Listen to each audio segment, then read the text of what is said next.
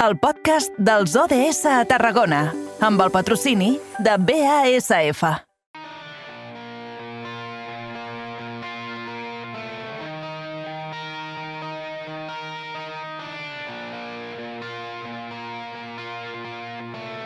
Triste la mirada que cae de tus ojos, que van perdiendo su brillo natural. Ahogan inquietos en recuerdos rotos,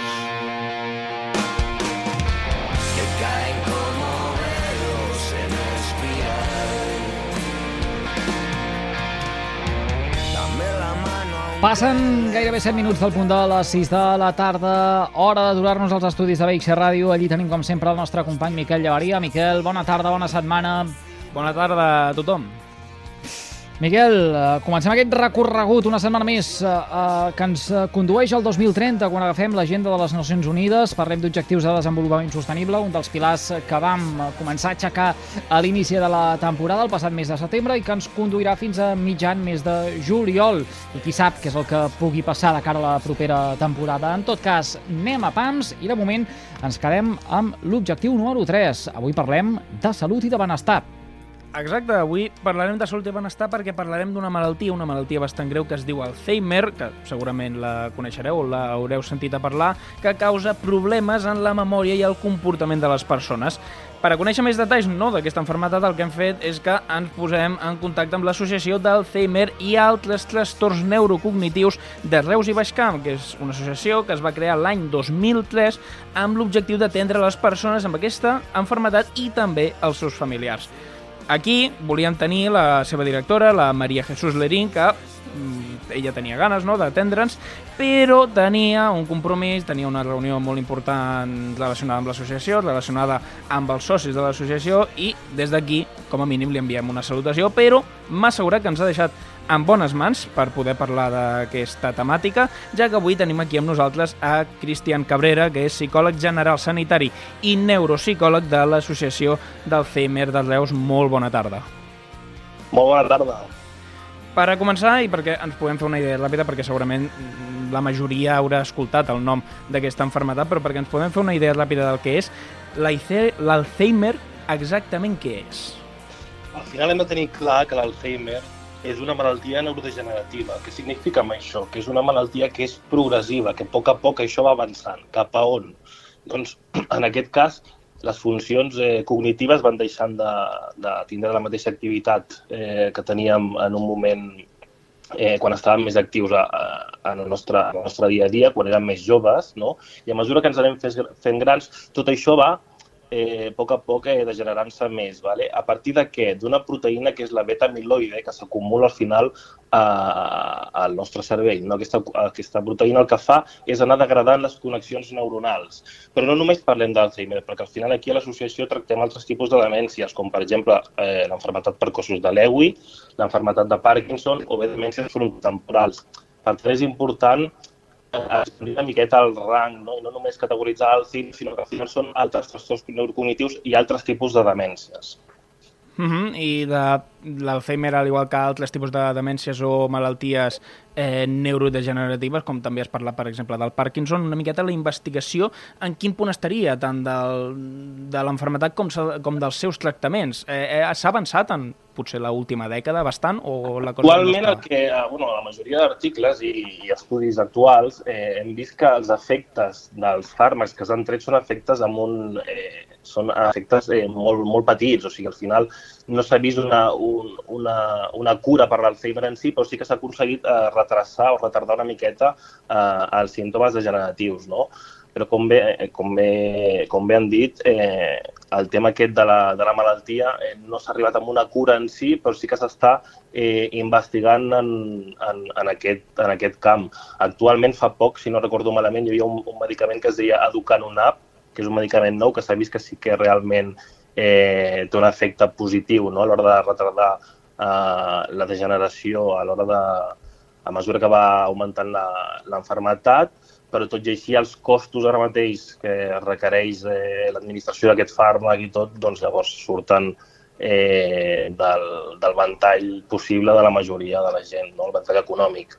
Els costos són molt alts, els costos econòmics d'aquests fàrmacs. Tot i així estan en un moment en un procés eh, d'investigació i en processos eh, inicials no? per arribar a treure'l. Uh -huh. eh, és més, eh, sabia de que recentment la Generalitat ha concedit una ajuda sobre l'IRPF a l'associació que es destina en beques de transport, menjador, teràpies i està valorat en 144.000 euros. Suposo que, com bé has comentat, és molt car, els tractaments són molt cars, tot està en fase d'experimentació, suposo. Eh, suposo que qualsevol tipus d'ajuda econòmica és poca. Exacte, sí, sobretot cal destacar que el tema aquest, eh, els costos sanitaris i no sanitaris tan socials, no, són molt alts. Eh, al final, eh, mantenir una persona tot el dia en un lloc eh, fent estimulació també són uns costos bastant alts i nosaltres el que tenim són tres línies de places que facilitem una miqueta l'accés amb la línia de transport. No? Eh, tenim quatre rutes al Camp de Tarragona, Tarragona, Reus, l'àrea de costa i l'àrea interior també, eh, que el que fan és, amb un transport adaptat, no, poder eh, que aquestes persones puguin beneficiar, diguéssim, de les teràpies no farmacològiques, que és el més important, que és el que nosaltres realitzem aquí. No? Al final nosaltres no administrem fàrmacs, sinó que realitzem un, una estimulació i una rehabilitació cognitiva. No? Al final intentem utilitzar el mínims fàrmacs possibles, intentar retrasar, diguéssim, l'enfermetat neurodegenerativa. Per tant, com, com hem dit, és, tenim la línia de transport adaptat, que és la línia de transport. Després tenim una línia de places subvencionades, vale? que depèn de la intensitat eh, que tingui la persona, doncs s'optarà a més import econòmic o menys. I després també contem amb la línia de menjador, no? que les persones al final tinguin un espai per poder eh, compartir el tema de repats, no? I, i tot això de manera subvencionada per, per, per la Generalitat. Eh, nosaltres sí que hem tingut ara 182.000 euros, 144.000 els hem destinat a les places, però després els altres 40.000 els, els tenim destinats a, a millorar una miqueta l'atenció que donem als usuaris, eh, augmentant també el nombre de professionals que som al centre, que actualment superem el rang eh, de, el rang que està establert de protocol, no? igual ja tenim, en comptes d'un psicòleg, tenim dos psicòlegs no? per, per 30 usuaris. No? En aquest cas tenim eh, hem superat una miqueta el rang establert que tenim de centres de dia actualment. Uh mhm. -huh. Eh, I és més, és que mm, esteu baix al paraigües de l'Institut Lerin Neurocognitive i que oferiu diversos tipus de serveis. Per un costat està el centre de dia terapèutic, però també estem parlant de la unitat de memòria, la unitat de rehabilitació cognitiva, el servei també d'ajuda a domicili, que en total entre tots aquests serveis estaríem arribant a parlar de, si no m'equivoco, unes 120 persones que doneu suport d'alguna manera. És a dir, estem parlant de moltes maneres, estem parlant de bastanta gent i per tant també d'una certa complexitat, no?, d'oferir tot aquest ventall de serveis. Sí, cal esmentar que al final l'associació, com es deia inicialment, no? al final, bueno, i segueix dient l'associació, no? l'associació ara mateix gestiona l'Institut Lerin Neurocognitive, que al final eh, l'institut en si és un conjunt de serveis, com bé has dit, no? que tenim la unitat de memòria, tenim el centre terapèutic, no? la unitat de memòria eh, donem atenció a usuaris, a persones en fases inicials d'un procés neurogeneratiu, a dany cerebral també és important eh, tocar la part de dany cerebral, perquè a vegades ens quedem amb trastorns neurocognitius, inclou també les demències, però també inclou el, el dany cerebral. I a la unitat de memòria també fem una cosa, realitzem una sèrie de tallers cognitius eh, per persones que vulguin eh, realitzar estimulació cognitiva però per tenir un estil de vida actiu. No? Al final, el tema de hi ha, hi ha persones, per exemple, de 60 anys, 70 anys, que actualment estan a casa i no tenen unes rutines, no? i al final eh, realitzar una sèrie d'exercicis i activitats eh, cognitives també els ajuda a estimular-se. Per altra part, tenim el centre terapèutic, eh, que al final donem atenció en totes les fases, totes les fases del procés neurogeneratiu, fins a fases terminals, no?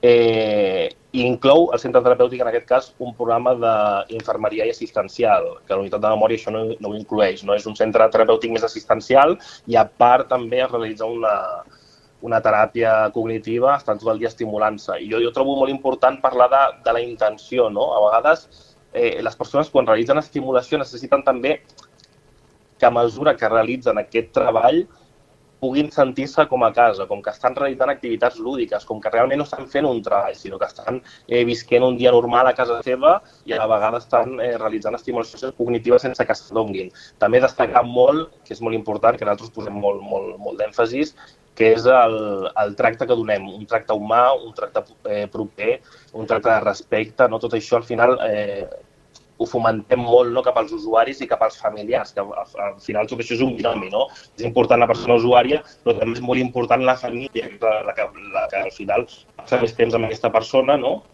I al final, eh, des de, on nosaltres podem incidir perquè després a casa pugui generalitzar tot allò que està aprenent al nostre, al nostre institut.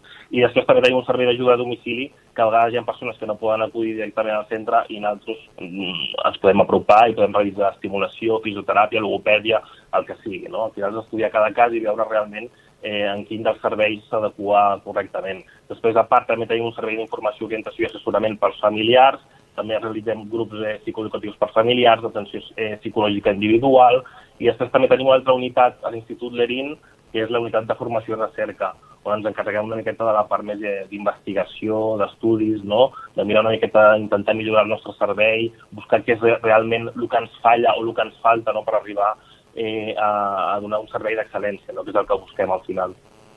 Mm -hmm. Senyor Cabrera, cada una d'aquestes àrees o cada un d'aquests departaments té la seva eh, eh, vàlua.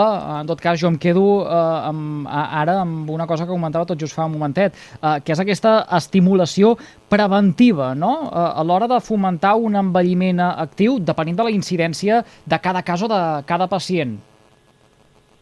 Sí, bueno, depèn de cada persona, perquè al final, normalment, la majoria de gent que ens ve als tallers d'estimulació d'entrenament cognitiu, perdona, al final li diem d'entrenament cognitiu, eh, són gent que han tingut, per exemple, familiars amb demència, no? i al final pensen que, bueno, que també una, té una, un paper actiu, no? però per genètica no? és més probable que potser tinguis demència o han vist que realment en el seu dia a dia s'obliden una miqueta més dels noms de les persones, que ja no saben on han deixat les claus i això els repeteix cada dia. Són gent que a vegades troben que en el seu dia a dia no estan realitzant les seves funcions d'una manera eh, funcional i correcta i, i requereixen una miqueta doncs, un paper més, més actiu. No? Nosaltres al final tenim un grup de professionals de neuropsicologia on dissenyem una sèrie d'activitats pensades per estimular cada una de les àrees cerebrals no? i així toquem una miqueta el cervell general. Però tot i així, a, a vegades també em comenten que necessiten una activitat concreta per algun tipus concret eh, de funció mm -hmm. cognitiva, per exemple, per aprendre a memoritzar, i nosaltres al final eh, generem estratègies mnemotècniques perquè intentin aprendre d'una forma més correcta i ordenada eh, un text que és molt complicat, o números de telèfon, o noms de persona, no? generem estratègies al final que faciliten el, el dia a dia. Eh, al final és el paper aquest preventiu, no? estem parlant de reserva cognitiva, que al final la reserva cognitiva és eh, la capacitat que tenim al nostre cervell no, de fer front al final a la malaltia, a l'Alzheimer o, a que, o a la demència, no? Que, que hi hagi. La reserva cognitiva és una sèrie de connexions neuronals, mentre més reserva eh, cognitiva tinguem, més neurones, més connexions neuronals i, per tant, l'enfermetat, la, la demència en si, en el cas de que la tinguem, eh, tardarà molt més en, en ver-se ver eh, efectiva. No? En aquest cas la, la retracem, mm -hmm. diguéssim. Quelcom similar, suposo, això, els tallers de memòria es organitzen en moltes poblacions i que van adreçats a aquesta, uh, a aquesta uh, població adulta. Sí, sí, molts cops és que al final, molts cops en l'edat adulta tendim a, a deixar-nos una miqueta, no? a deixar de seguir fent eh, les rutines, no? quedar amb gent. Al final també és més un grup social, no? un grup de parlar, eh, de, de expressar-te, de que et preguntin, no? d'estar sempre estimulat. A part d'unes activitats que fem, també fem jocs cognitius. No? Al final fem un joc que sigui eh, inter, inter, eh, d'interacció, no? que, que intervingui la, la interacció en si, perquè al final el que busquem aquí és un grup social, un espai, una rutina, eh, una activitat eh, cognitiva i després també és molt important la part eh, de meditació o de fisioteràpia o la part també una miqueta d'activitat física. Uh -huh. I també aquí hi ha un, un, altre, un altre actor no? en, tot, en tot això, perquè tenim el malalt, tenim els propis treballadors que intenteu ajudar i estimular aquestes persones, però també tenim un altre actor que són les famílies, els familiars, als quals també intenteu ajudar. I és que al final, exactament com ajudes o com aconselles a una persona que de cop i volta li diuen que un familiar, el seu pare, un avi, son tiet o un amic que té una malaltia neurodegenerativa i que la cosa anirà pitjor i que ell ha d'ajudar-lo. Com, com se l'aconsella? Clar, aquí el, el, que, el que passa és que al final els familiars són els que es carreguen amb tot el pes de la malaltia, no? Al final el, el, la, la família és la persona que acompanya, no? És el, el ser acompanyant, no? Que veu i és conscient de tot el camí no? i cap on va aquella persona. Per tant, jo trobo que les famílies és, és la gent bàsic no? a l'hora de, de, de tractar, bueno, primer la persona usuària, però a, addicionalment al final serien un equip, no? Al final seria l'equip, seria la persona amb demència i el seu familiar cuidador més proper, que és el que realment veu les coses. És la persona que realment pot entendre realment com se sent la persona usuària, no? I a lo que, a lo que em deies tu, a lo que referies, al final és tranquil·litzar, tranquil·litzar sobretot. Eh, acceptar, no? acceptar d'una forma eh, incondicional la malaltia, saber cap on aneu eh, i a poc a poc no, no anticipar-se les coses, sinó que a poc a poc, a mesura que surti un problema, gestionar-ho. Que sobretot que ho parlin, que no es tanquin, que no, que no callin. No? Al final, a nosaltres oferim un servei no, de psicoeducació on puguin compartir les seves coses amb la gent. Llavors, l'important és que tot aquest pes que tinguin dins, que ho descarreguin cap a altres, no? que al final som els professionals i es podem orientar només i donar la, els millors consells no? perquè puguin eh, gestionar la, tot això d'una forma eh, més tranquil·la. No? Eh, el problema és que sí, en fases inicials, quan la persona encara no és conscient, doncs sí que està una miqueta nerviosa. El que passa que a mesura que va realitzant el tractament, no, quan veiem l'altros, eh, ja es, es, es passa tot com a rutina. No? Comença a ser una rutina, llavors ja no són tan conscients. Tampoc s'adonen que estan fent un treball ni, ni res. No? Al final el familiar és el que va detectant a poc a poc i el que s'adona compte de realment els canvis. No? I al final després parlem sobre eh, la paraula que es diu anosognosia, no? que és la no consciència de l'enfermetat. A mesura que avança l'enfermetat, la persona usuària, la persona amb demència, eh, deix de ser conscient de que realment té un problema i llavors no pateix en si, o sigui, no té por al futur perquè realment no sap que té una, una demència en si. Però el familiar, sí, el familiar és que al final es menja tot això i a poc a poc sí que hi ha familiars que a vegades doncs, perden els nervis, no saben gestionar certs problemes, però bueno, al final nosaltres eh, estem disponibles sempre per, per, qualsevol, eh, per qualsevol cosa que succeeixi en qualsevol moment i al final som els primers en, en derivar-los on la gent de derivar, en donar-los consells que necessitin, però sí, normalment al principi sí que trobo jo que els familiars sempre estan una miqueta neguitosos i preocupats, eh, a, mes a mesura que va avançant l'enfermetat la cosa es normalitza, però després, quan són conscients dels canvis, quan la cosa ja comença a canviar, sí que la cosa també eh, es, eh, es preocupen bastant i, i també tornen a estar malament.